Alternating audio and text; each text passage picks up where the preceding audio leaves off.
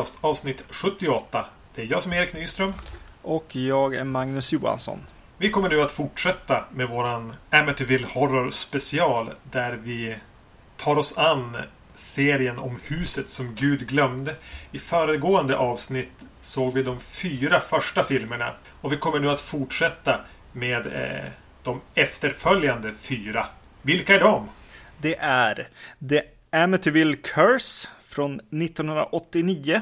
Amityville 1992. It's about time från 1992. Och eh, så är det Amityville A New Generation från 1993. Och Amityville Dollhouse från 1996. Beroende lite grann på var man läser så har jag läst olika premiärdatum på The Amityville Curse. Vissa säger att den kommer 1990, vissa säger 89. Men eh, för min ordningssinnes skull så hade det varit roligare om den hade varit definitivt 90 så vi hade kunnat säga att det här avsnittet bara bestod av Amityville-filmer från 90-talet som dessutom gjordes direkt till video. Just det. Men nu fick jag inte göra det. Nej. St stör det även ditt ordningssinne att eh, Amityville 4 The Evil Escapes ju kretsade kring ett föremål från huset som eh, ställde till oreda i ett annat hus. Och att sen kommer nu The Amityville Curse som inte har det upplägget medan de tre efterföljande handlar om föremål från huset. Hade man inte velat byta plats på The Amityville Curse och eh, Evil Escapes? För att, jaha, du menar som ett avsnitt ja, förstås. Men det hade passat bättre för, för våran podcast. Just det. Ja, det är sant. Men eh, vi kör ju kronologisk ordning. Och då har vi alltså The Amityville Curse som eh, utspelas någonstans i Amityville. Inte i huset som vi lärt oss älska i de tidigare filmerna. Eh, men väl någonstans i samma ja, samhälle. Mm. Där i en tillbakablick kan vi väl kalla det för, får se en präst bli ihjälskjuten i sin biktstol. Vi hoppar 12 år till nutid. Där ett eh, gäng vänner har köpt ett hus i Amityville. Inte, som sagt var, huset som Gud glömde, men väl ett annat ruckel. Eh, som de ska renovera och när de börjar med det så börjar det hända konstiga saker. Som kanske har att göra med den här prästen som blev mördad 12 år tidigare. Ja, nej men det var ju skönt att du klargjorde det här. om, eh, om huset. För jag satt så här, det, har de verkligen tänkt att det här ska vara liksom Amityville-huset? Eh, för det är ett helt annat hus. Det är ju ett, ett, ett mörkt tegelhus va? Mm. Om jag minns rätt. Och ja, det, det ställde till det en lång bit in i filmen för mig. är de seriösa? men men. Min vän Marcus som väl auktoritet på de här filmerna säger att även att The Amityville Curse är ju den största rip-offen. Den största bluffen som inte har någonting med huset att göra. Utan bara råkar utspela sig i området. Vilket gör det ganska tydligt att de har haft ett manus på en någon liten skräckhistoria och knuffat in det i Amityville. Mm. För att kunna använda det i titeln. Och det är ju någon liten replik mot eh, i mitten av filmen när de är på en bar. Då en man säger någonting. Ja, det är, ett, det är mycket oordning i den här bygden. Till exempel han som sköt ihjäl sin familj eh, på 70-talet. Ja, någonting sånt i, en bisats nästan. Ja, precis. Eh, jag tänkte på, på kyrkans hus, eh, eh, eller kyrkan har ett fönster som, om man verkligen vill, kan påminna lite grann om, om de här rundade fönstren i Amityville-huset. Men, men. Eh, ja, jag tycker ju att det är lite häftigt hur bikt, alltså efter att det här eh, dådet har, har skett här i början av filmen 12 eh, år senare, eh, tidigare då. Att den bärs ut ur kyrkan eh, mm. med, en, med en kamera uppifrån. Och eh, det, det, tycker jag är lite snyggt på något sätt. Eh, det känns som att i början av filmen så tar man bort liksom, det finns ingen förlåtelse för synder längre. Känner jag att man, man vill läsa in i det på något sätt. När, när kyrkan inte längre har en, ett biktbås då. Undrar om du överanalyserar filmen. Men jag gillade ändå den läsningen av det. Eh, Ja. Jag gjorde inte den kopplingen själv. Just det. Nej. Eh, och sen kommer vi in i, i, i själva grundhistorien och det är ju några vuxna, vuxna Vuxna tonåringar. Ja, precis. I den här, i den här filmen eh, som ska övernatta i ett hus. Egentligen är det väl två av dem, alltså en, ett, eh, ja, om de är gift par eller om de bara är ett par som har köpt huset som jag förstår det. Och eh, de andra är där för att hjälpa till och liksom måla och det är lite painting party. Ja, någonting sånt. Ja, något sånt. Antar jag att det är. Jag bara tänkte på, åh men vad är det här för hippies? Är det typ fem vänner som har gått ihop för att köpa ett hus? Är det så här piloten till en sitcom? Ja, just det. Ja. ja. Och eh, sen att de, eh, att de då, ja, kommer in, flyttar in och ska skåla för huset. Så, så direkt där så, så går en av, en av glasen sönder och eh, skär eh, en illa. Mm. Eh, Riktigt illa. ja, precis. Lite illavarslande kanske. Eh, det, det, som, det jag tänker på ändå när, när, de, när de presenteras för de här karaktärerna. Det kändes så skönt att det inte var tonåringar. Mm, Att men här får man de som är ja, men i ens egen ålder ungefär. ja, Vilket ju är lite ovanligt nu i skräckfilmer. Så Ja. är det ju en tendens att det hela tiden ska vara eh, ja, tonåringar. Här får vi ett, en samling rätt trista personer. Ungefär lika tråkig som man är själv i ens egen ålder. Mm. Ja, precis. Man förväntar sig liksom nästan något liksom litet drama. För det är ju lite så här äh, jobbiga äktenskap och Mm. eller det är nygifta och lite kn- knarriga förhållanden. Men eh, sen så känner ju jag att man får lite grann en, eh, en gammal, alltså med tanke på att de är vuxna så och det här huset som är lite mer tegelaktigt och lite så här känns lite äldre liksom. Så, så känns det som att de försöker göra en liten mer gotisk spökfilm.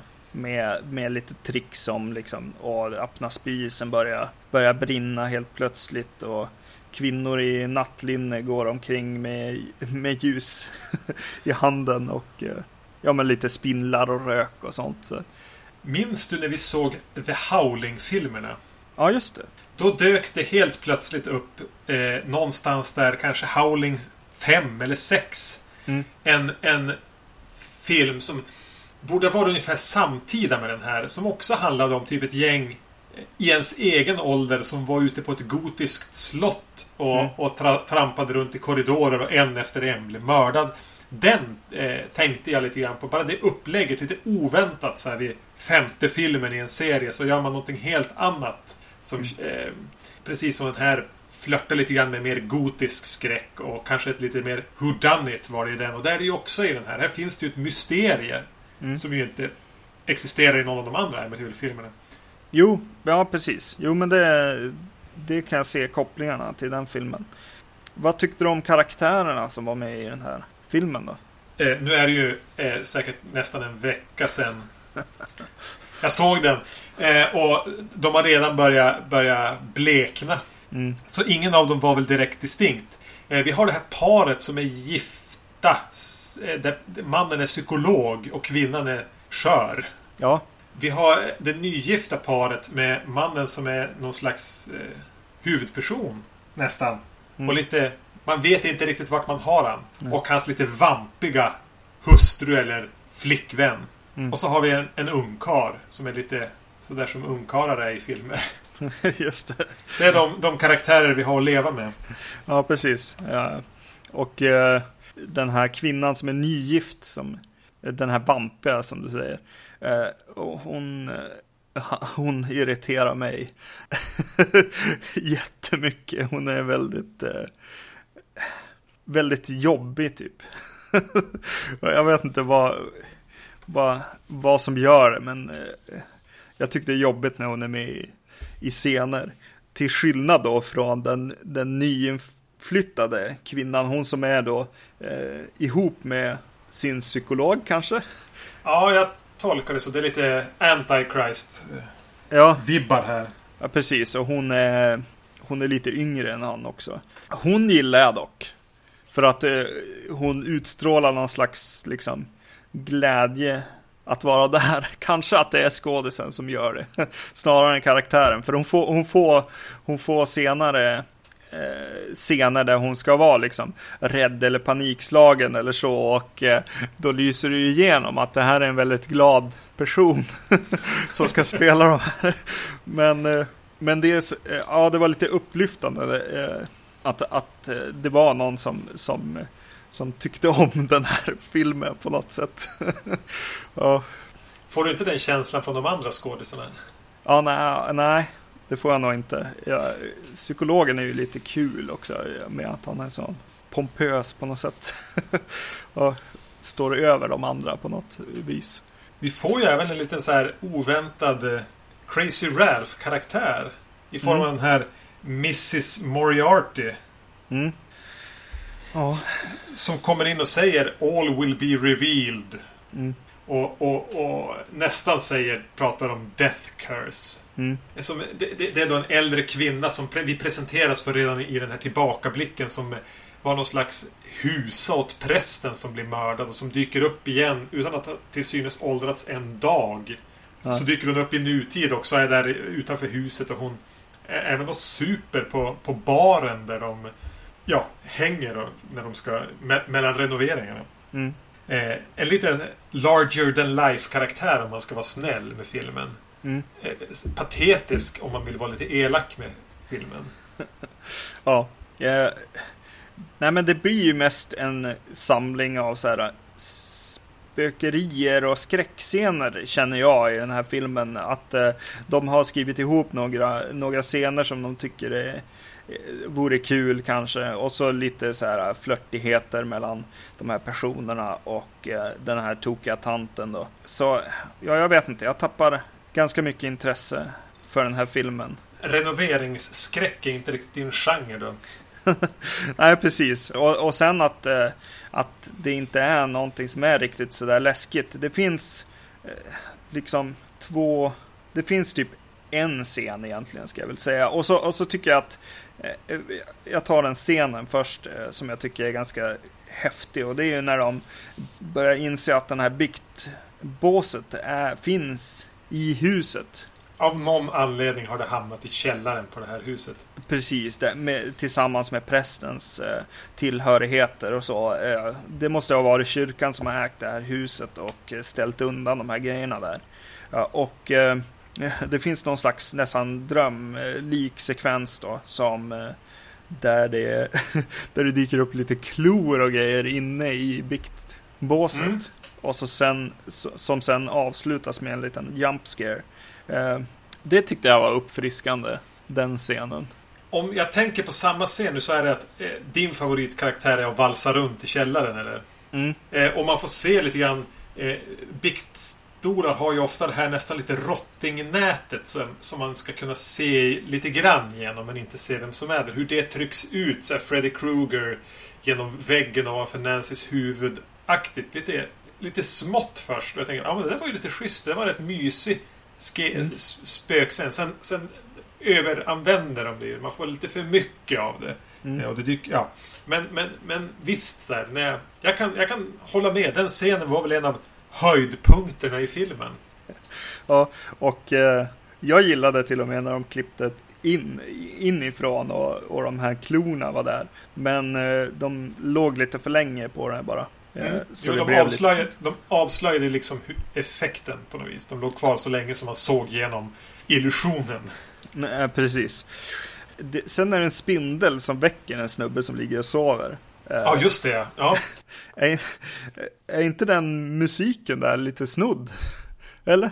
Det var väldigt, väldigt psycho-inspirerat. Eh, mitt i alltihop också. Den, mm. Det är inget tema som återkommer eller att de har använt den typen av stråkar tidigare i filmen. Nej. Utan det är någonting vi helt plötsligt får stifta bekantskap med. Jag tyckte det var en lite läskig scen ändå. Men vakna av att en spindel kryper på är ju lite det är ingenting fräscht med scenen, men det är ändå någonting Nej. lite obehagligt. Jo. Eh, blev du involverad i mysteriet? Vad är det som har hänt egentligen? Vad är kopplingen till prästen som blev mördad? Och så vidare. precis. Uh, nej, utan det, det, fick ju som bara komma uh, mot slutet där och uh, men dock så tycker jag att vad det, liksom, hur man avslöjar det och liksom vad som händer mot slutet är väl kanske också lite av höjdpunkten också för det blir lite mer ja men lite, lite trevlig så här slasherfilms slutkänsla mm. på det på något sätt.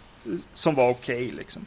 Ja, så själva crescendot där allting avslöjas och ondskan eller godheten vill, har inte tänkt spoila, segrar. Tyckte mm. jag var också så här okej okay på ett tv-skräckfilmsmässigt sätt. Mm. Men fram till det så får vi liksom ganska mycket så här, spökeriscener. Och då hamnar jag i det här läget som ofta när det är spökfilmer. Där det inte är liksom en poltergeist eller någonting ondsk, en demon som är ute för att förgöra dig. Så, mm. så har vi ju det här vaga spöket. Som kanske vill förmedla något. något. Mm. Och det... Jag har svårt för det. Alltså att... Det, det, blir liksom så tydligt att spöket bara är vagt för vaghetens skull eller någonting. Bara mm. säg vad det är du vill ha sagt nu till de som är här. Du vill ju någonting. Det är ju uppenbart. Det är till, och, med en scen, det är till och med en scen där, där den här din, din karaktär, kan vi kalla henne för.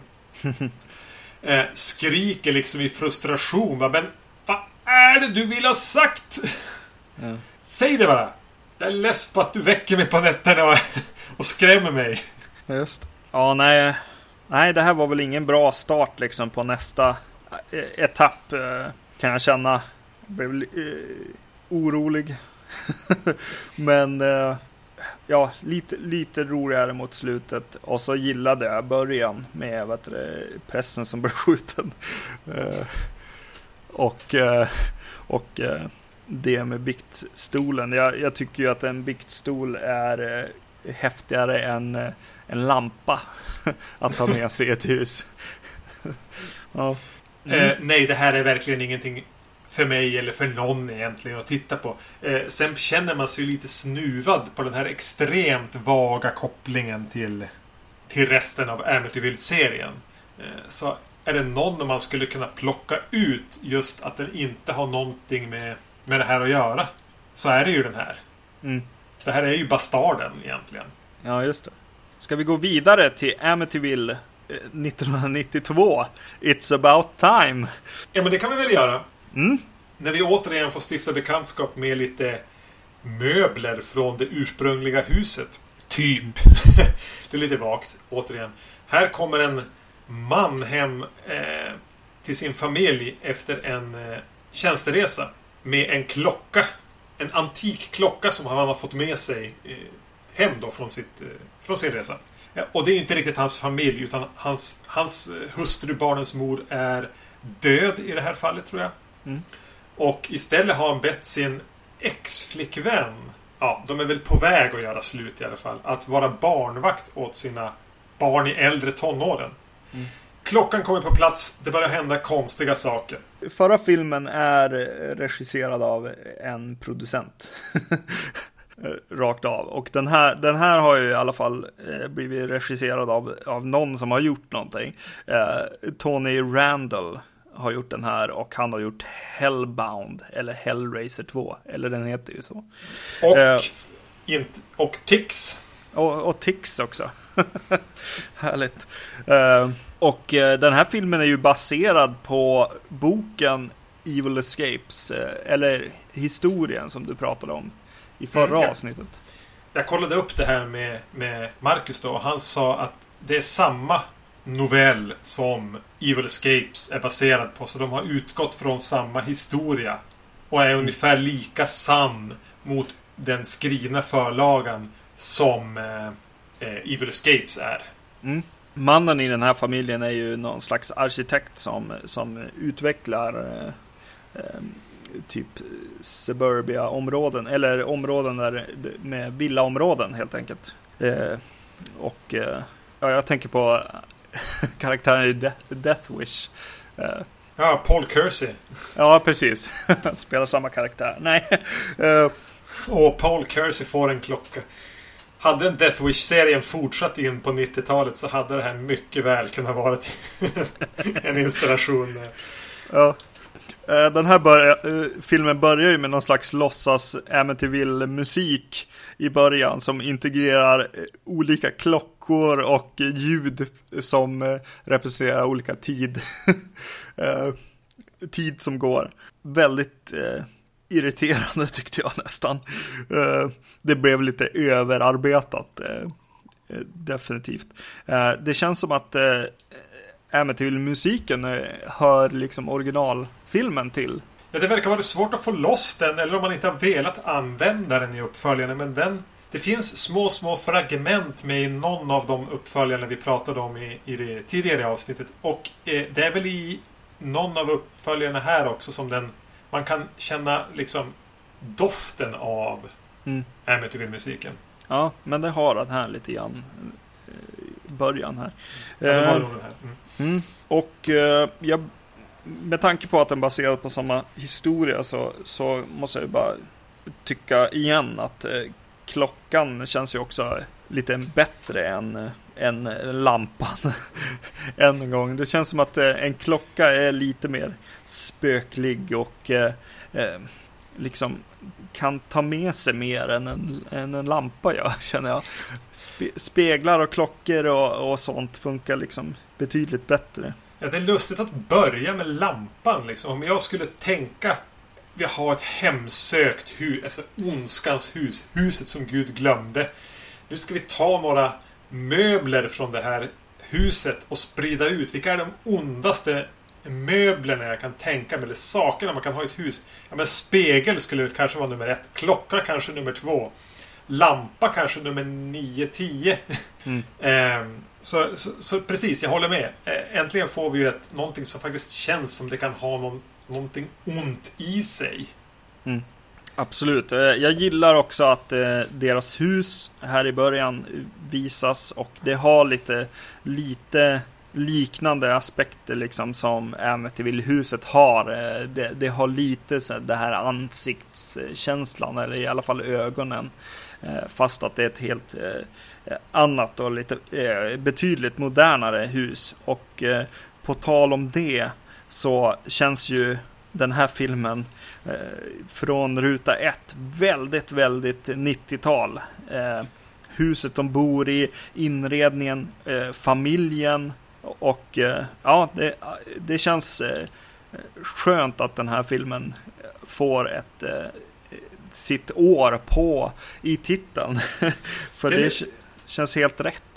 Det känns lite lustigt för jag läste någonting om det där med 92 i titeln. Att det är någonting de satte på när den kom tror jag. Sen i vissa distributioner av DVDn och filmen så har de valt att plocka bort 92 från den. Mm.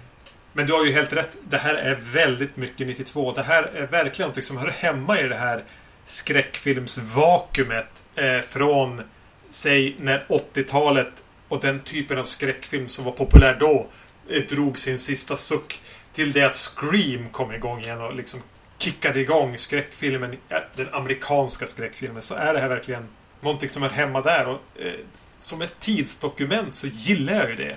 Det här är 90-tal. Det är lite 90-tal med en ganska ordentlig doft av TV och så här, någonting som är producerat för att hyras på VHS. Eh, mm. Som en slags tidskapsel. Och det, det kan jag uppskatta. Ja, precis. Jag gillade det eh, redan från början här och eh, tyckte att så här, eh, familjen funkade jättebra, jättebra på, det, på det viset att han är liksom så här, arkitekt någonting som är så här raka linjer och, och, och eh, vit, vita väggar eller till och med lite så här eh, konstigt spräckliga eh, färgade väggarna som, som de har i det här huset som, som känns eh, väldigt daterat nu men, men som kändes väldigt fräsch då. Det var ju någonting som Tim, eh, Tim Burton gjorde i, i Beetlejuice? I Beetlejuice ja. När, de, när det kom in folk och, eh, och skulle göra om deras hem och, och, och 90-tala till det på något vis. Då hade han ju pulsen där på, på vad som, som var 90-talet och eh, den här filmen kanske inte vet om det men, men den den blir väldigt mycket 90-tal och eh, det går in på, på hur, ja men sonen här, Rusty, som han heter, är så här övertrotsig och ja men det, det känns kul på något sätt. E, en karaktär som man eh, ska liksom irritera sig på, känner jag. Det, det är man ska, eh, någon man ska gilla att irritera sig på lite grann. Ja, den målar ju upp det här familjedramat igen. Och det gör det ganska snabbt. Hela premissen är ju etablerad på typ tre minuter. Alltså han, första scenen är fade in så är ju han som kommer hem med klockan och så får vi de här den trotsiga eh, tonårspojken och eh, den lite mer präktiga tonårsdottern som är lite nyfiken på kärlek. Och så den här kantiga relationen då mellan de, dem och deras pappa och eh, flickvännen här som ju har hamnat i en väldigt konstig situation. Och det är en ganska ambitiös situation att använda i en, den här typen av film. Att de har ju typ gjort slut.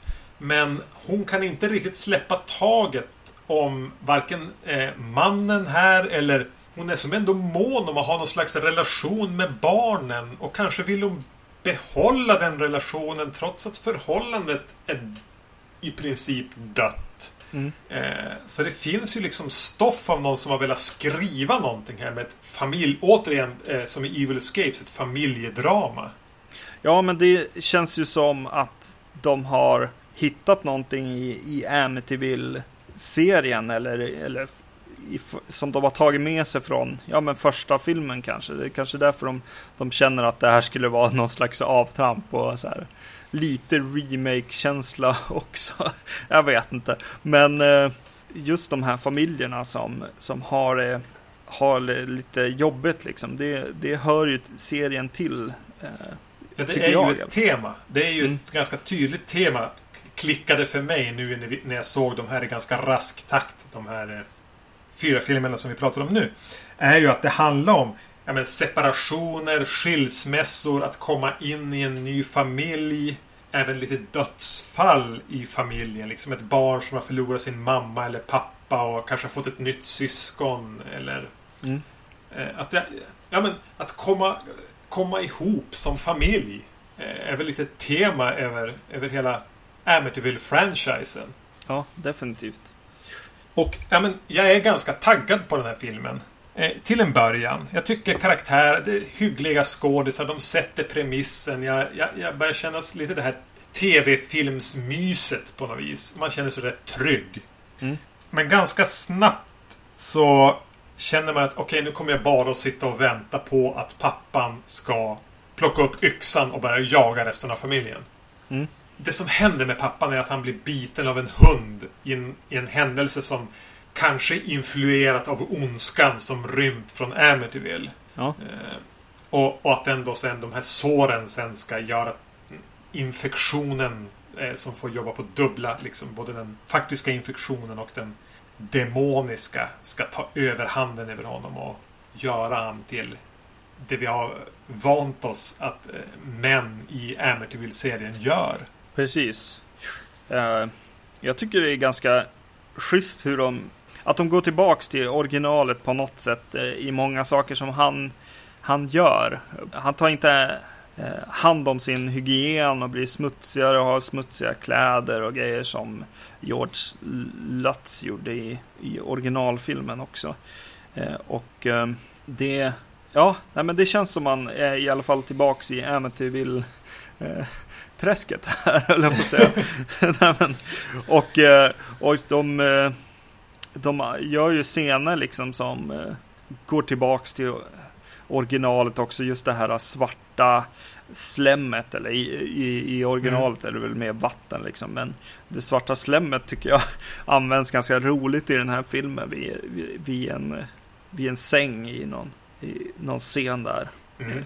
Där, där någon eh, känner efter, efter någon som ska ligga bredvid henne. Men eh, det är bara svart eh, gyttja bredvid. Eh, vilket eh, var lite så här, ja men det var ju lite uppfriskande scen tyckte jag.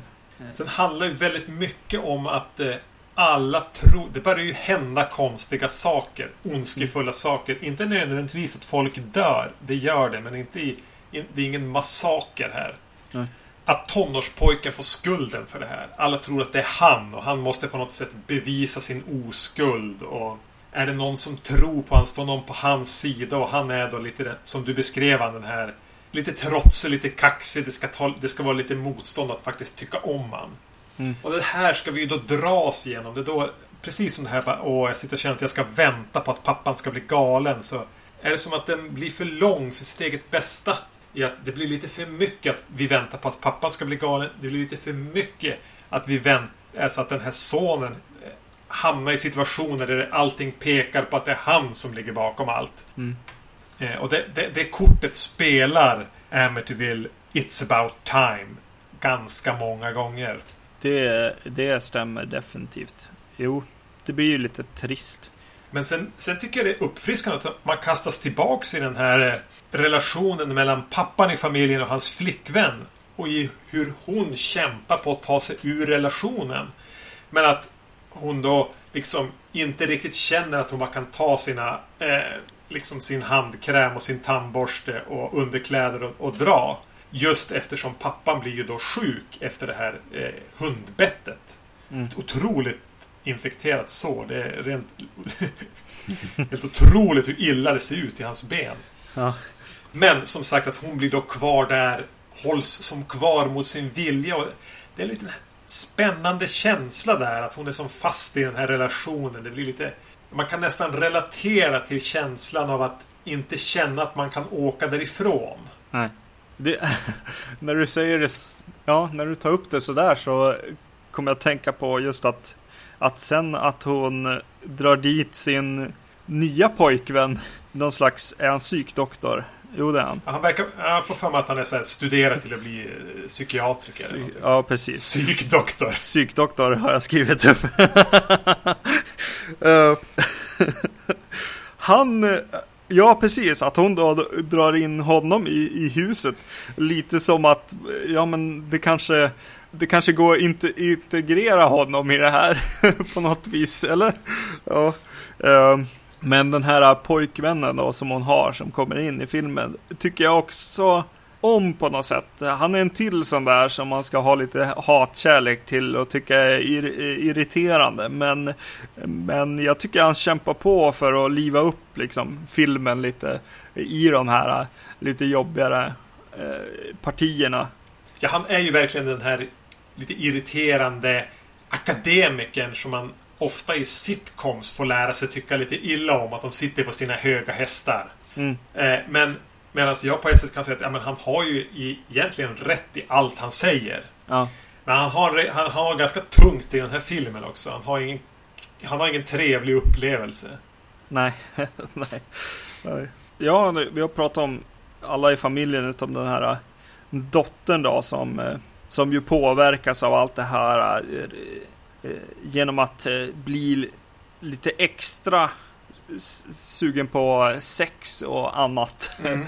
och eh, allt det börjar i en scen vid, eh, vid en spegel där hon eh, där spegelbilden liksom eh, väcker hennes sexlust till liv på något sätt. Genom att typ ta på henne och tillfredsställa henne. Det är en ganska märklig scen. Mm. Eh, en ganska kul grej men samtidigt så var, ja okej. Okay. Så just den scenen jämställer liksom kvinnlig njutning med ondska och någonting som är jättedumt. Ja, för hon blir ju då mer så sexuellt aggressiv. Mm. Och det är som du säger, det är typ Hon är ju besatt av en demon då. Det är ju enda sättet en kvinna kan vara, särskilt en ung eh, high school-tjej kan vara sexuellt aggressiv är ju om det är ondska inblandat. Lite sunkigt kan man tycka. Ja, det kan man göra. Men vi får ju i alla fall, hennes sexualitet leder ju i alla fall till en scen som gjorde det omöjligt att inte tänka på Under the Skin som vi pratade om i tidigare avsnitt. Exakt. Den här är tydligen en stor inspirationskälla där till Under ja. the Skin. Något oväntat. Absolut. Ja. Eh, det här är egentligen den första Amityville-filmen där sex eh, får förekomma. Eh, vi hade tvåan där två syskon låg med varandra, men det fick vi inte se. Men här får vi dels den första sexscenen. Det är sjätte filmen och här är första sexscenen. Mm. Och även då den här scenen där hon använder sin sexualitet. Just det. På sättet som för tankarna till Under the Skin. Så, vilket är ganska, med tanke på att en serie som har levt genom både slutet av 70-talet och 80-talet så har det varit ganska lite sex. Eh, ja. Blev jag påmind om här. Mm. Ja, precis. Och ändå att det gick in här på att vi är på 90-talet innan det, det sker. 80-talet mm. var väl lite mer sugen på att eh, visa bröst och sex och sånt i skräckfilm. Det känns som att jag, jag gillade den här filmen eh, ja, mycket mer än The Amityville Cursed. Alltså den ja. senaste filmen. Eh, och eh, kände att jag var eh, på rätt humör och, och kände att den här 90-talsgrejen var, var väldigt rolig med, med tanke på att man ändå levde då. och, och liksom bodde i de här liksom vitmålade husen med Bang Olufsen tv-apparater och, och sådär. Ja, ni hade ju ett extremt 90-talet hem.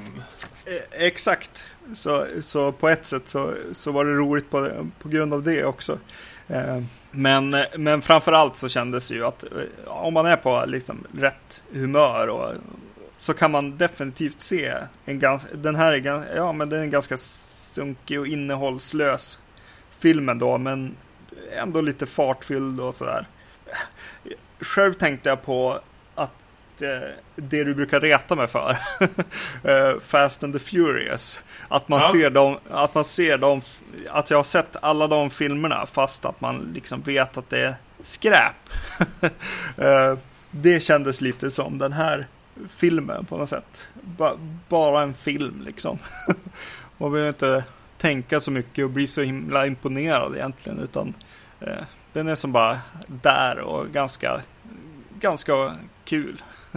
Ja, men med tanke på att det är en så här direkt till hyrhyllan-skräck så är det Ja, men den har väldigt lite att ta fasta på. Men det fanns inte för mig någonting egentligen att reta mig på. Jag blev lite uttråkad mellan varven men jag kunde samtidigt gill, halvgilla vissa saker. Det kommer en reveal, eh, inte alldeles i slutet, utan mot slutet. Eh, när man får se någonting bakom en vägg. Som mm. kändes så här lite härligt Stephen King möter The Twilight Zone-aktig. Som jag bara fick lite så här härligt klassiskt mys av. Mm. Och sen tycker jag att titeln i sig är jätterolig. Om vi nu kapar det här 1992-biten och bara tänker Amityville It's about time. Och så tänker man att den här taglinen är en slags innehållsförteckning. Eller en kort resumé av filmen. Amityville. Mm. Ja, men det, handl det typ handlar om tid. ja. Fler taglines borde vara så. Precis.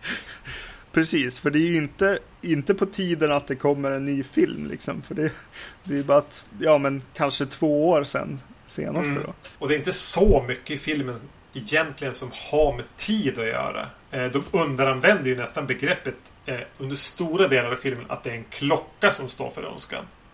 Jo, precis. Det är no någon så här liten tidsdimension som man får eh, se. Men den är ju också i rum i och för sig. Tid, tid och rum. Men mm. Mm, nej. Uh, nej, men uh, den var okej. Okay. Året därpå kommer Amityville A New Generation. Det är ju egentligen en titel som ska väcka ganska mycket varningsflaggor. Regi John Murlovsky. Mm. Säger mig ingenting. Nej, han har gjort mest eh, lågbudgetgrejer. Genre, genrefilm i och för sig, men inget jag har hört talas om. Eller i alla fall inte det jag skummade igenom. Här eh, hamnar vi i någon slags low-rise i ett ganska sunket hyreshus där ett gäng, inte helt olikt gänget i Vänner, bor. Eh, till skillnad att de här är någon slags konstnärsbohemer. En av dem, en ung fotograf, får en dag en eh, spegel av en uteliggare som han fotar och försöker betala för att han faktiskt kanske kommer att använda bilden. Så ger den här uteliggaren honom en spegel, en ganska ful spegel med eh, här, gymnasiala dödskallar eh, till ram. Som han tar hem till eh, hyreshuset och det börjar hända konstiga saker. du förklarar den här den här filmen precis som de andra. Uh, det första som slår mig är att vet du, det känns som att uh, bara med tanke på hur de bor så är det tre män och en baby lite grann fast, uh, fast om bebisen hade varit en demon istället. ja, men jag fick jättemycket, jag, jag associerade inte till Tre män och en baby men jag tänkte på dels här, den här vågen av filmer som kommer på tidigt 90 typ singles och grunge-filmerna som kommer. Mm. Eh, och dels tänkte jag på, som jag sa, vänner. Mm. Men det var just de här målningarna på väggarna och, och, och så, så här, rama in dörrar och grejer. Med, som fick mig att tänka på Tre män och en baby. Så bor de med, med stora så här, studiolägenheter med jättehögt i tak och eh, tegel på insidan. Mm. Man har sett det ganska ofta i filmer, i amerikanska filmer. Precis, och eh, den här eh, mannen som har fått spegeln hör, eh, hör en pojkvän till grannen eh, slå på, på dörren och han går dit och eh, möter den här pojkvännen som står och försöker komma in men, men inte lyckas utan stormar därifrån. Och eh, den pojkvännen känner man ju igen. Ja, han spelas ju av Robert Russler. Som vi såg i andra Elm Street-filmen. Där han spelar den här macho eh, sportfånen. Mm. Som går ett grymt öde till mötes. Mm. Och även Trashin. Just det. En film vi har sett någon gång så här, några gånger. Vår uppväxt. Ja. Mm. Och Sometimes They Come Back är han också med. Ja, som ju är en rätt härlig 80-talsskådis. Vi pratade i David Lynch-avsnittet här om, om Kiefer Sutherland. Mm. Och jag tänker på något vis att de borde vara ungefär jämngamla, Robert Russell och Kiefer Sutherland. Mm. Och jag hade gärna sett att de hade att Russler hade fått leva kvar på samma sätt som Sutherland hade gjort, ha, har gjort det. Mm. För de är lite samma typ. De är lite grann de här man blir lite rädd för bara man ser dem. För man ser, de har någonting lite lite så här, högstadiemobbare över sig. Mm. Men samtidigt något som får att man tycker om dem. Ja. Och se, åtminstone att titta på dem på film. Precis. Ja, nej men jag, jag gillar, gillar honom. Eh, och ja, han gör ju bra ifrån sig här också. Tyvärr en alldeles för liten roll. Eh, exakt. Ja. Men det, det den här har är ju ett gäng ganska kul ett gäng bis, biroller som är castade med ganska intressanta skådisar. Mm. Jag vet inte om vi ska gå in på dem nu eller om vi ska ta det medan vi pratar om det. Nej, men det kan vi göra.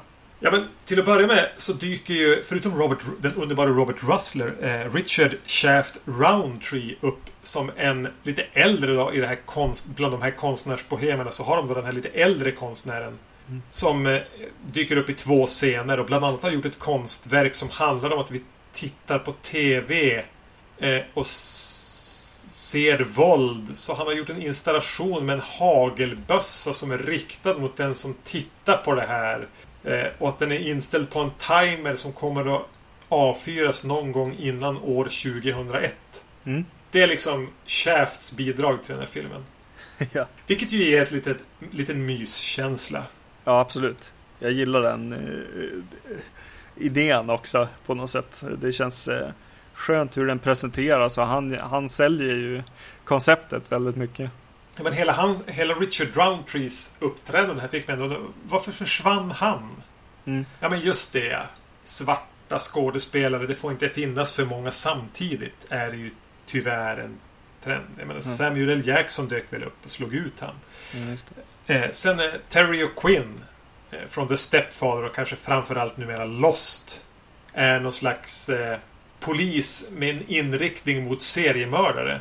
Mm. Dyker upp och är lite som att han försöker hålla sig kvar i filmen.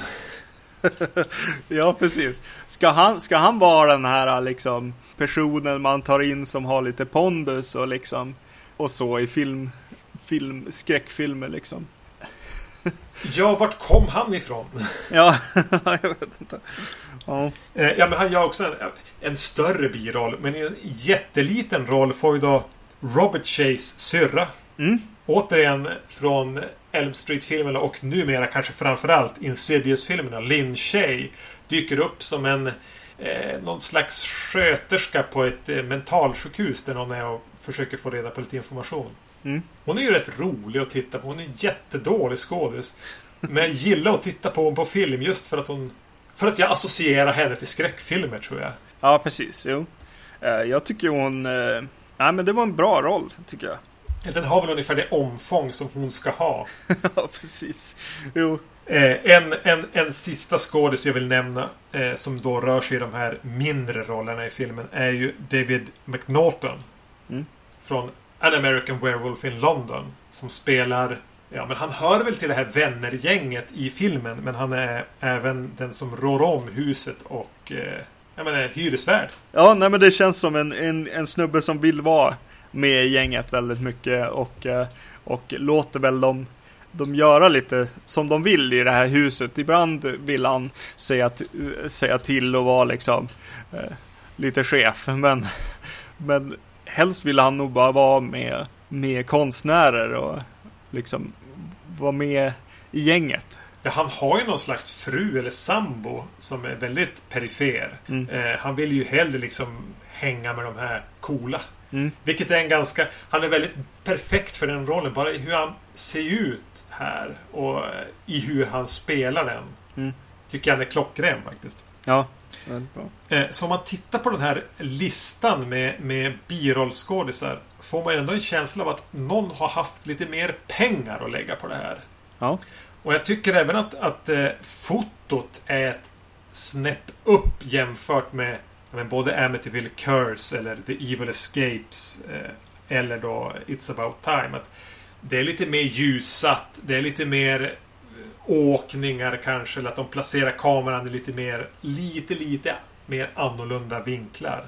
Mm, precis, och, och gör setdressing överhuvudtaget höll jag på att säga. Nej men det gör de ju i de andra också. Med, men att eh, de verkligen använder att de är konstnärer och eh, försöker liksom få ut något härligt och kanske lite läskigt eh, utav det också. Han som får den här spegeln har en, har en granne som han i, i princip ser som sin, sin syster Ja, som han, som han ger bort spegeln till för hon tycker att den är, är häftig mot vad han, han tycker inte det är, eller framförallt hans, eh, hans eh, flickvän. Har hon tycker väl den är lite obehaglig. Ja, precis. Eh, Hennes lägenhet, den här grannens lägenhet, är ju, är ju lite mörkare och hennes konst är, blir mer och mer demonisk allt eftersom att hon har den här spegeln där och hon blir lite konstigare och mörkare. Även om hon känns som den som har varit det i gänget också så de, de kanske inte riktigt ser hur, hur mörkt det börjar bli så att säga. Men eh, hon, hon pratar om att hon har haft eh, drömmar har jag för mig när hon var liten. Eller hon var eh, snarare kanske övertygad om att det, det dansade demoner i hennes rum när hon var liten. Ja. Och eh, i en senare scen så har hon eh, målat de här demonerna och eh, på stora, stora dukar och hängt upp i taket. Och eh, det kommer in en, en person, är det han eh, hyresvärden som kommer in och säger Åh titta, det är dina demoner. Eh, och den repliken tyckte jag var fantastisk. När den kom, som, som den kom på något sätt. Eh, här har du dina demoner och de är uppsatta på, på duk liksom. Eh, det, det är som en, ett härligt koncept på något sätt. Jag, jag gillade den tanken. Även om den inte tar, tar vägen riktigt dit jag vill ta den. Men, men det var som härligt. härlig, härlig replik. Jag tycker att den här håller tonen väldigt fint också till en början. Vi presenterar det här gänget. De går till och med på café och, och de vill ha en konstutställning och den här spegeln hamnar i ägo och börjar påverka dem och det byggs upp. Och jag, och jag har svårt att inte sitta som och mysa lite grann. Mm. Men sen börjar det äta sig in det här eh, slasher-upplägget som vi pratade om i tredje filmen. Mm. Att en producent har kommit in och, och, och sagt åt dem att vi måste ha lite fler dödsfall här. Mm. Öka takten på dödsfallen. Ja, precis. Och det stör mitt eh, långsamma tv-serie skräckfilmsmys. Mm. På ett ganska osexigt sätt. Eh, känner, förstår du vad det är jag försöker eh, få fram? Eh, ja, alltså.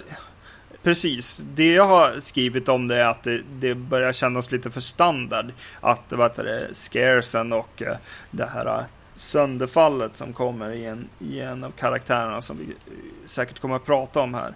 Att det känns lite som att jag, jag, jag vill följa med filmen mer än vad den tillåter mig på något ja. sätt. Det är typ, bara det att det kommer in ett litet collage där någon försöker framkalla några foton och eh, det blir inget bra. Jag ska göra ett konstverk och det, ingenting blir bra och så är det så här massa bilder på, på foton som, försöker, eh, som han försöker träffa en skräpkorg med. Liksom. Eh, det, det känns så trött och kon konstigt. Ja, det känns väldigt så här hur man skulle ha iscensatt det när man själv filmade det här när man var 16. Ja, precis. Det är väldigt så här, trötta och lata och oinspirerade lösningar på vissa berättargrepp. Och den här filmen på det viset, ja just det. Och att så här, ja men det finns någonting, någonting att berätta på något sätt. Men sen ska det vara slasher och sånt, sånt också. Eh, det, det jag börjar tänka på är är det som gör att Elm Street inte blir eh, favoritserien på något sätt eh, för mig. Det känns som en film som inte riktigt kan bära de idéer de har. Alltså, den blir inte eh, varken läskig eller, eller rolig eller allvarlig. Det, det, känns lite som att man kan se den här tillsammans med Freddy's Dead eller Dream Child eller någon av de sämre Elm Street-filmerna. Mm. Och eh, den skulle passa bra där, känner jag. Ja, men den byter ju även film den vill vara. För först kommer spegeln in här och vi får den här slashern över en död var femtonde minut. Mm. Och det är spegeln som påverkar karaktärer att göra saker med eller mot sig själv. Eh, och sen hittar den ett annat spår som letar sig bakåt i tiden och knyter an till det som hände egentligen före första Elms... Vad säger jag? Inte Elm Street. utan Amityville-filmen. Mm. Och, och kopplar en karaktär till det och att, att den karaktären påverkas och får någon slags inre strid och börjar leta i sitt förflutna. Och få en, en, en, del av historien som inte alls limmar med den här spegelintrigen och det som har hänt några av de andra karaktärerna. På ett sätt som gör mig ganska trött. Och, och, och där börjar jag tänka på tidslinjen. Ja, men jag har gett upp Amityville-serien att det ska finnas en tidslinje där alla filmerna går att placera in. Eh, om det har varit svårt i, i Fredagen den 13 eller Elm Street mm. så skulle jag säga att det är omöjligt i Amityville eftersom den, den, har en tendens att skriva om sin historia för varje film. Så att den inte passar in med de tidigare sex filmerna, det kan jag köpa. Men den här har ju svårt att passa in med sig själv. Den kommer 93 och de syftar tillbaka på de här morden som var på 70-talet. Och han säger, karaktären som det drabbar, säger Men jag var ju inte ens född då. Mm. Och det skulle alltså betyda att han var född efter mitten av 70-talet. Och, och då ska han ha varit i 15-årsåldern här. Men det går inte ihop. De har inte ens brytt sig om att göra den lilla kronologin. Nej. Nej. Så där tänker man bara, men släpp de andra filmerna eller tänk igenom processen lite mer. Mm. Jag, hade, jag ville ju att de skulle knyta an eh, mer å andra sidan. Det, det handlar ju i princip, eller som man förstår det, så, så handlar ju om, den, eh, om de här eh, morden ja, i Amityville-huset. Och eh, jag känner att de borde ha, ha döpt den karaktären som, som kommer in där eh, från, från förr så att säga till samma sak som i tvåan. Liksom. Bara försö försöka att hålla någon liksom, eh, koppling liksom. Nej. Nej, det blir ju inte det. Och, och då kan inte jag liksom se hela den här serien eller de, ja jag vet inte det går inte att få ihop, och, vilket är synd i det här fallet tycker jag. För det hade varit kul att koppla tillbaks till, till tvåan här, eh, en film som är mörkare än, än de andra filmerna på ett sätt. Eh, skulle ha gett den här filmen lite mer liksom umf för mig då, som håller på att se de här i rad. Liksom. och sen så tycker jag att den är lite, hanterar det här med konst lite, eh, lite konstigt. Eh, det händer saker i slutet som, där filmen ger kritik till folk som liksom diggar konst. De som gillar konst. Det känns som att eh, den säger att eh, förmodligen så om man, om man säger så här någonting fint om en tavla så, så fattar man säkert inte ändå. Utan alla, alla egentligen bara låtsas kunna konst på något sätt. Åh, det här är fantastiskt. Uh, ja, framförallt är den ju så här konstkritiker skeptisk. Eh, precis, ja. Och då tar ju vi som har en podcast om film väldigt illa upp. Eller hur? Ja. Det finns även en, sekvens i slutet av eh, filmen när Terry och Quinn kommer in och eh, saker och ting håller på att ordna upp sig.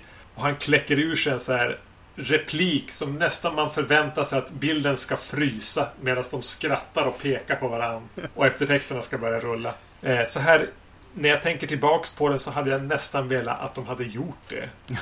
ja, precis. Ja. Om du då viktar eh, It's about time mot A New Generation. Jag hade nog roligare att se It's, It's about time, faktiskt. Men den här känns ju mer så kompetent ändå, på något sätt. Jag tyckte den här startade väldigt lovande och jag fick en härlig feeling av det som, som direkt till VHS-skräck. Men att den rörde till det på ett onödigt sätt gjorde jättetaffliga försök att sträcka sig tillbaka mot sina rötter. Eh, och lyfter aldrig utifrån vad den då är. Mm. Men, men, som sagt, det finns kompetens här. Det finns mer pengar. Det finns mer, mer visuellt tänk än, än It's about time. Det gör det. Ja, och den här äh, öppningsgrejen med den här uteliggaren och äh, att han fotade honom och det där. Och skräck på dagtid och, och så. Det var ju lite, lite in the mouth of madness känsla där. En stund liksom. Eh, så ja, den kunde ha blivit bättre än vad den blev. Mm. Mm. Men det är en fruktansvärd titel.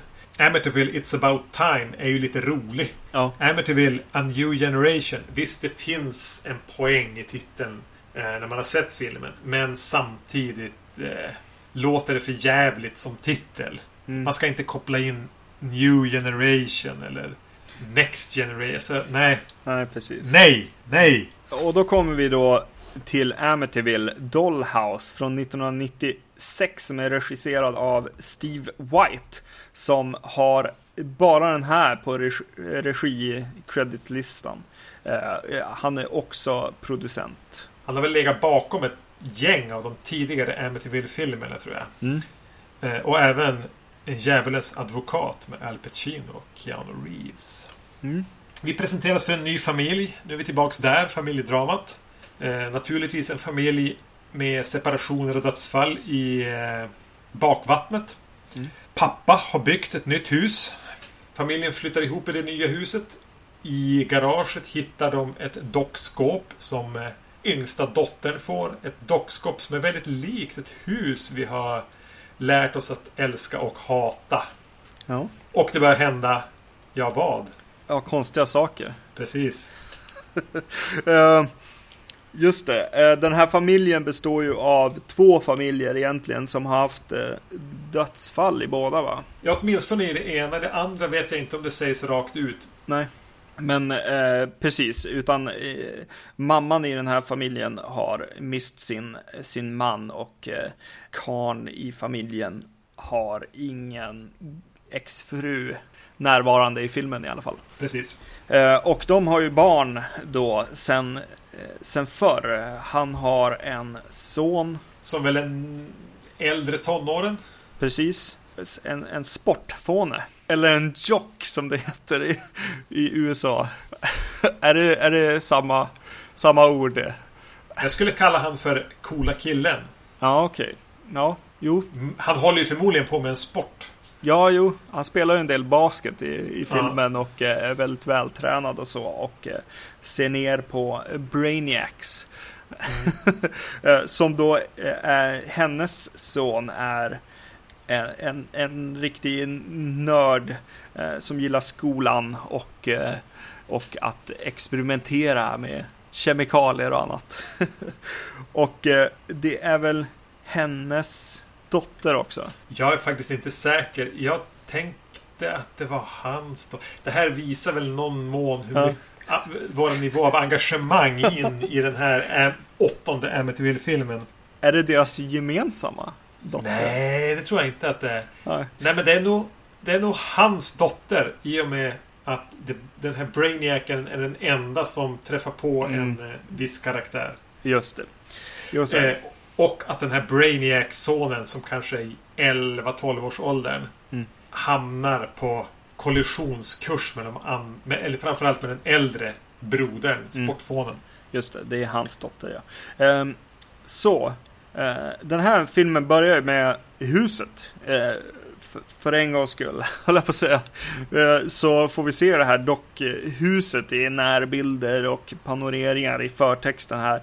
Och eh, eh, förtexten slutar med en liten flash där man får se någon slags djävul. Mm.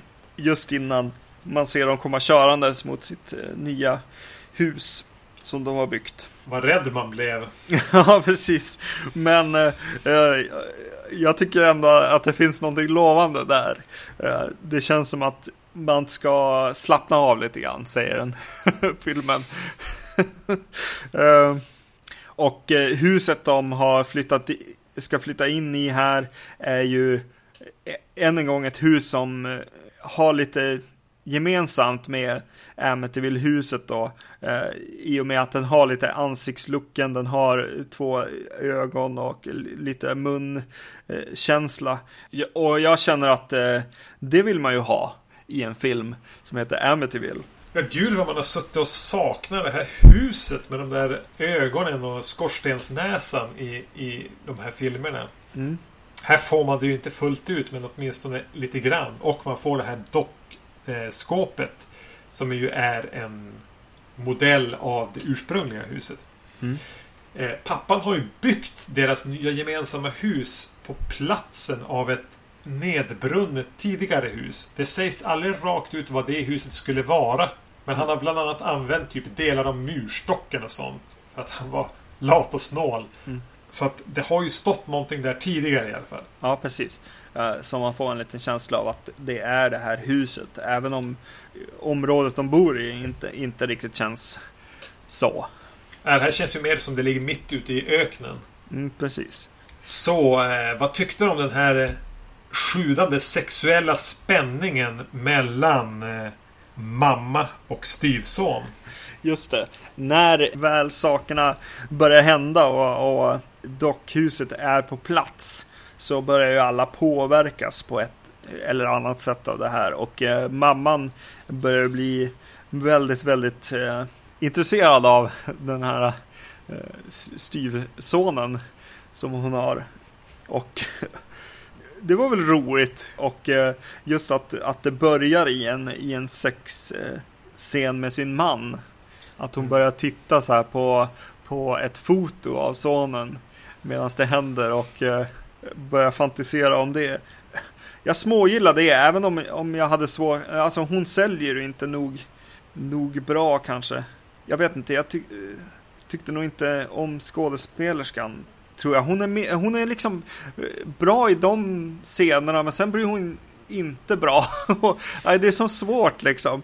Eh, det är som just den här eh, åtrån kan hon liksom spela väldigt bra. Men sen när hon ska göra liksom lite vardagsgrejer så, så köper jag inte henne eh, som den här mamman. Riktigt. Mm. Och jag tycker fortfarande då att det är ett nästan ambivalent läge. Att, att är det under inverkan av det här besatta dockskåpet? Eller är hon bara ganska kåt på sin 18-åriga styvson.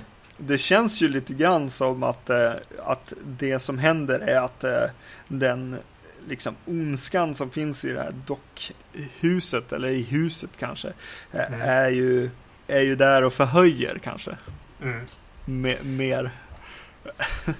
och hela den biten är ju det jag gillar bäst med den här filmen det är, jag, jag hade gärna sett att det, att det var det som var den centrala intrigen.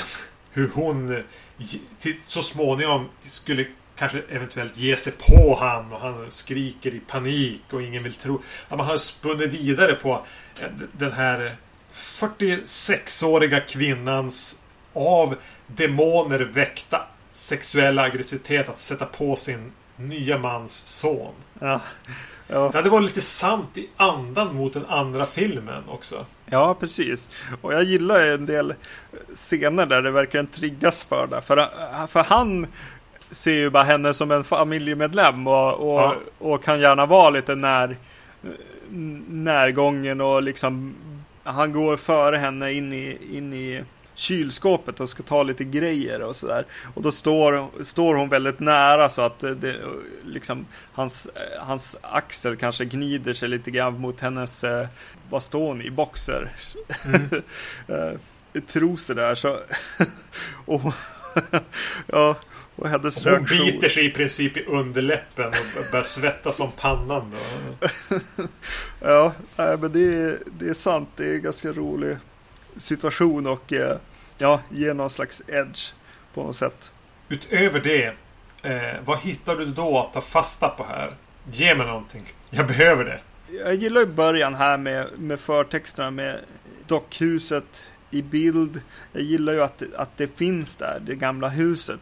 Och eh, när han går in i det här skjulet som, som är låst, som han har, bara har behållit av någon anledning. Mm. Eh, han, har, han, han vet inte riktigt varför han, han har kvar det. Och när han går in där och det börjar spela någon musik och, och sen gå, får han för sig gå ut för han, han tycker han, han hör någonting utanför. Och då stannar musiken helt. Mm. Och så sen går, vänder han in, eller han har insett att han har fått näsblod. Men han går tillbaks in i, i skjulet och då, då är musiken igång igen. Så jag fick, fick en känsla av att eh, musiken spelades där i, inne i skjulet. Eh, så det var inte konstigt att han smög lite och tyckte att det var lite läskigt där inne. Eh, när det spelades läskig musik där. Eh, ja, jag vet inte. Det, det, just eh, familjedramat får ju, blir ju lite statiskt, lite tråkskrivet så här. Lite standard på något sätt. Eh, och just karaktärerna också. Den här äldre sonen då som, som ger sig på den här eh, nördsonen och de får så här. Ja men den intrigen är väldigt så här tunn. Särskilt ställt mot den här mamman då som eh, blir intresserad av pojken. Det finns ju något mer där än så här. Åh, jag är rädd för spindlar. Ja, men då skrämmer jag dig med en spindel liksom. Och, ja, men eh, deras konflikt är inte så, så stark så här. Men... Ja. Alltså, när jag har vant mig vid de här Amityville-filmerna nu så är det att det ska finnas ett slags familjedrama. Mm. Och här är det som du säger, det är lövtunt. Mm. Det är någon slags konflikt mellan eh, barnen då där som är ganska tråkig och väldigt standard. Jag får fragment av det av att mamman skulle vara tänd på sin styvson men det är ganska puttas ganska snabbt åt sidan och får inte något ut, det utrymme jag skulle vilja att det fick. Mm. Och då blir det inte så mycket kvar. Alltså det, det blir lite grann Du är inte min pappa. Kväket som känns lite väl torrt. Okej, det har inte varit jättedynamiskt och omvälvande i de tidigare filmerna men här är det lika torrt som landskapet de har smält upp det här huset i. Mm. Och de skräms ju inte så bra i början heller. Eh, förutom eh, när han vaknar på mitt i natten och det är väldigt, väldigt varmt. Eh, eller båda vaknar ju, eh, fru och man. Och eh, svettas något så djävulskt. Och eh, han måste ta sig genom huset och se vad som, vad som händer. Och då tittar han ner eh, i trappen och ser ett par ben eller skor som står där runt ett hörn. Den tyckte jag eh, var ganska läskig. Faktiskt. Jo, den, den är väl bra till en tredjedel. Just mm. när han går fram och tittar ner och man bara Oj! Oj, oj. Det var jag inte beredd på i den här typen av film heller. Nej. Sen tycker jag inte att de har liksom eh, känslan för spänning eller det visuella för att använda den ända i mål. Men jag håller med. Det, det, det finns lite, lite och, li, en svag förnimmelse av någonting där. Precis som i den här relationen mellan mor och styvson. Mm. Och så sen, eh, jag vet inte om du la märke till hur huset ser ut, men soffan som står framför öppna spisen. Kände du någonting när, du, när folk satt i den och sådär? Du kände inte igen dig liksom? Nej. Nej. Eh, första, film, första Amityville-filmen? Nej. Det, för mig så är det soffan i Halloween. Som de sitter i. Fönstren bakom är precis liksom ställda eh, med samma konstiga avstånd från, från soffan och, och så har de samma vinklar också. En, en liten smalare fönster i ett hörn liksom och så sen, sen en, ett större fönster bakom. Det börjar ha gått lite för många år sedan jag såg Halloween kanske. ja, precis. Ja, jag fick en känsla för det. Ni får gärna kommentera på Facebook om ni, om ni har sett den här filmen och har känt samma, samma sak. Vet du, eh, jag tror att du är ensam med den spaningen. Ja, det kan vara så. Uh, ja. Men, vet du vad? Som är problemet med den här filmen? Nej men, gud, tala om det för mig. Det är att den alldeles för sent berättar för mig vad den är för film. Jag, jag försöker liksom få ihop en Amityville, liksom något mörker och den här mamman och jag vill... Det är någonting jag vill ha dit från första och andra filmen liksom. Men det är ju inte det den är, utan helt plötsligt så Ja, det, jag tycker att det är så pass tidigt i filmen. Så den här nördpojken, han eh, träffar sin pappa. Ja, jo. Det gör han. Och helt plötsligt så bara, jaha, det är House. En House-film jag sitter och ser på. Och det tog alldeles, alldeles, alldeles för lång tid innan den, den kom och sa till mig om det. Och då helt plötsligt kan jag liksom så här förstå varför jag så här smågillade den här syrran som kommer dit, hans syster och hennes bikerman som eh, som verkar liksom, om man, om man lever något lite så här friare liv on the road på något sätt så har man lite kontakt med det övernaturliga, vilket sen visar sig eh, vara en ordentlig kontakt med den eftersom att de driver någon slags eh, så här shop typ. Han sover med kristaller under kudden. Precis. Uh, och helt plötsligt så börjar jag gilla filmen mer. Och, och den här scaren som kommer med, med musen. Uh, musen Max som den här uh, nördsonen anser vara sin enda vän där de bor nu. Han har, han har aldrig han har inte träffat några andra kompisar så han har bara sin mus liksom. Och när musen springer upp i, i, in i dockhuset så så är det en ganska rolig grej som händer. Jag, jag, tänker så här, ja men vad ska hända, vad händer? För att musen så här springer upp för, för flera trappor och man jag, jag blir mer och mer nyfiken på vad som kommer att hända. Och även om det som händer inte är så himla effektivt skräckmässigt så, så blev jag ändå lite förvånad och eh, lite så här halvglad ändå. Att, att det blev så, så löjligt på något sätt. Och sen, men, men den scenen händer ju innan filmen har sagt vad den är för någonting. Men de tror att det här, den är, växer vid en andra titt? Ja, alltså, ja, det tycker jag nog. Eller skulle den växa om du låtsades, om du såg den i kontexten av de övriga House-filmerna? Att det här är House 5? Ja, alltså Ja, det tycker jag. Jag tycker definitivt att den, den har, den kan liksom vara och fightas med, med House-filmerna, definitivt. Nu har, nu har jag bara sett första på ett tag liksom. Uh, nu, nu, har de inte William Catt i den här. Uh, utan de har lite sämre liksom tokroliga skådisar. Som de alltså, borde haft. Att det var William Catt som hon blev lite tänd på. Nej, men pappan kunde ju ha spelat som William Catt, kan jag tycka. Ja, den här kom 96. Det kanske hade varit mer rimligt om man mm. hade spelat pappan än om man hade spelat en vid 40 års ålder hade spelat en 19-årig son. Mm. Mm.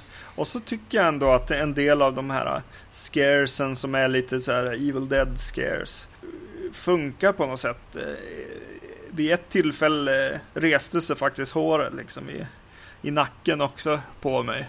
När en hand kom ut där den inte skulle komma ut i, i, i dockhuset. Mm, jag vet vad du menar med det. Ja, ja det, jag, jag tyckte det var jätteobehagligt när det, när det hände. För, en, för den här sekunden när det hände.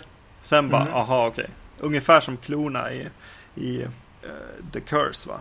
Amityville Curse. Ja. Ja, precis. För jag var absolut inte beredd på att det skulle hända. Eh, särskilt med någonting som de hade byggt upp så mycket. Det kändes som att det skulle ha byggts upp till något mer. så att det, att det kom där blev, blev eh, förvånande. Din koncentrationsförmåga verkar vara mycket bättre än min. Eller din förmåga att involvera dig i den här filmen har varit starkare än vad jag lyckades med. För ja. jag låg verkligen på halvdistans hela tiden. Kanske var jag trött av att ha gett Amityville Curse, It's about time, A New Generation tid och energi och jag faktiskt engagerade mig i dem.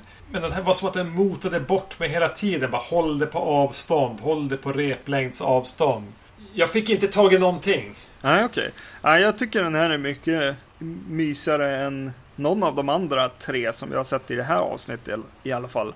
Eh, jag gillar den här syrran som eh, den lilla syrran som egentligen är instängd med dockhuset i sitt rum i nästan hela filmen och eh, får sitta och så här prata med den och lära sig lite om, om dockhuset och, och alla de här intrigerna. I alla fall när jag förstod tonen blir blir lite roligare eller snarare så behöver inte jag bry mig om dem. Vilket jag trodde att jag skulle behöva i början av filmen. Och, och sen händer ju massa roliga saker med den här eh, äldsta sonen har ju en flickvän och sådär som, som känns lite eh, rivigt. Några scener med henne liksom som, som är några skräckscener mm. som de kanske har lagt, lagt till. Jag vet inte.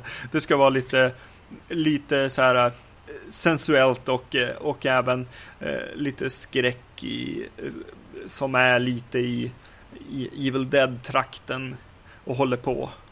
Vet du vad som fick den största, min största reaktion på den här filmen? Det jag kommer ha med mig från den är, det har med hon att göra. Mm. Hon heter, skådespelerskan heter Lisa Robin Kelly. Eh, konstigt namn, tre förnamn liksom. Mm. Eh, det var när jag tyckte mig känna igen henne. Så jag gick in på hennes profil på IMDB och konstaterade att ja men titta hon var med i uh, That 70's Show och spelade någons stora syster där. Okay. Men hon är även död. Uh, och dog för ungefär ett år sedan uh, på, på en rehabklinik efter ett långvarigt tungt alkoholmissbruk. Oj. 43 år gammal. Oj. Då tänkte jag liksom oj, precis den reaktionen. Ja. Som du hade där. Ja. Det är, det, det, det är ju tragiskt. Ja. Och det är det jag kommer minnas här. Amityville Dollhouse. Det är hon. Ja, just det. Och att hon eh, dog i, för ett år sedan. Alldeles för ung på grund av ett tungt alkoholmissbruk. Mm. Ja. Nej men kul avslutning hörru Erik. Nej men... Uh... Ja, jag tyckte den här var horribel helt enkelt. ja, men vad kul. Då var vi oense. För en gångs skull. För det tyckte inte jag. Jag tyckte om den här filmen. Eh, jag blir lite sporrad av att se den igen då i kontexten av att William Cat ska finnas någonstans i föregångarna och inte James Brolin. Nej, precis. Utan det är ju en tok, tokrolig liksom, skräckfilm. Eh, ja. Som ska ha glimten i ögat liksom. Nu, nu når den ju inte upp liksom. Det är ju ingen klassiker direkt utan eh, för, för den blir inte nog rolig och, och ja, svår att förstå till och med. och eh, ja, skräcken blir ju inte skräckig liksom. Men jag tycker den är skön och ja, jag vet inte. Den håller sig. Ja, nej. Jag gillar den. Kul för dig! Mm, eller hur? För, för när jag hade sett den så tänkte jag tillbaks på de här vi såg i första avsnittet 1 till 4 och så tänkte jag lite på de här. Det man kan ge de fyra första som jag inte tror jag gav dem tillräckligt med cred för. Eller kanske snarare de tre första. Mm. Jag vill på något vis klumpa ihop The Evil Escapes med de här filmerna snarare än med, med, med de tre första som ju trots allt var biofilmer. Mm.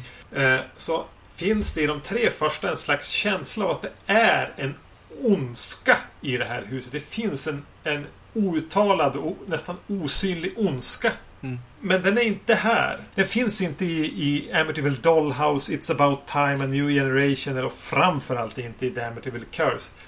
Det är som att den här ondskan försvann någonstans på vägen. Mm.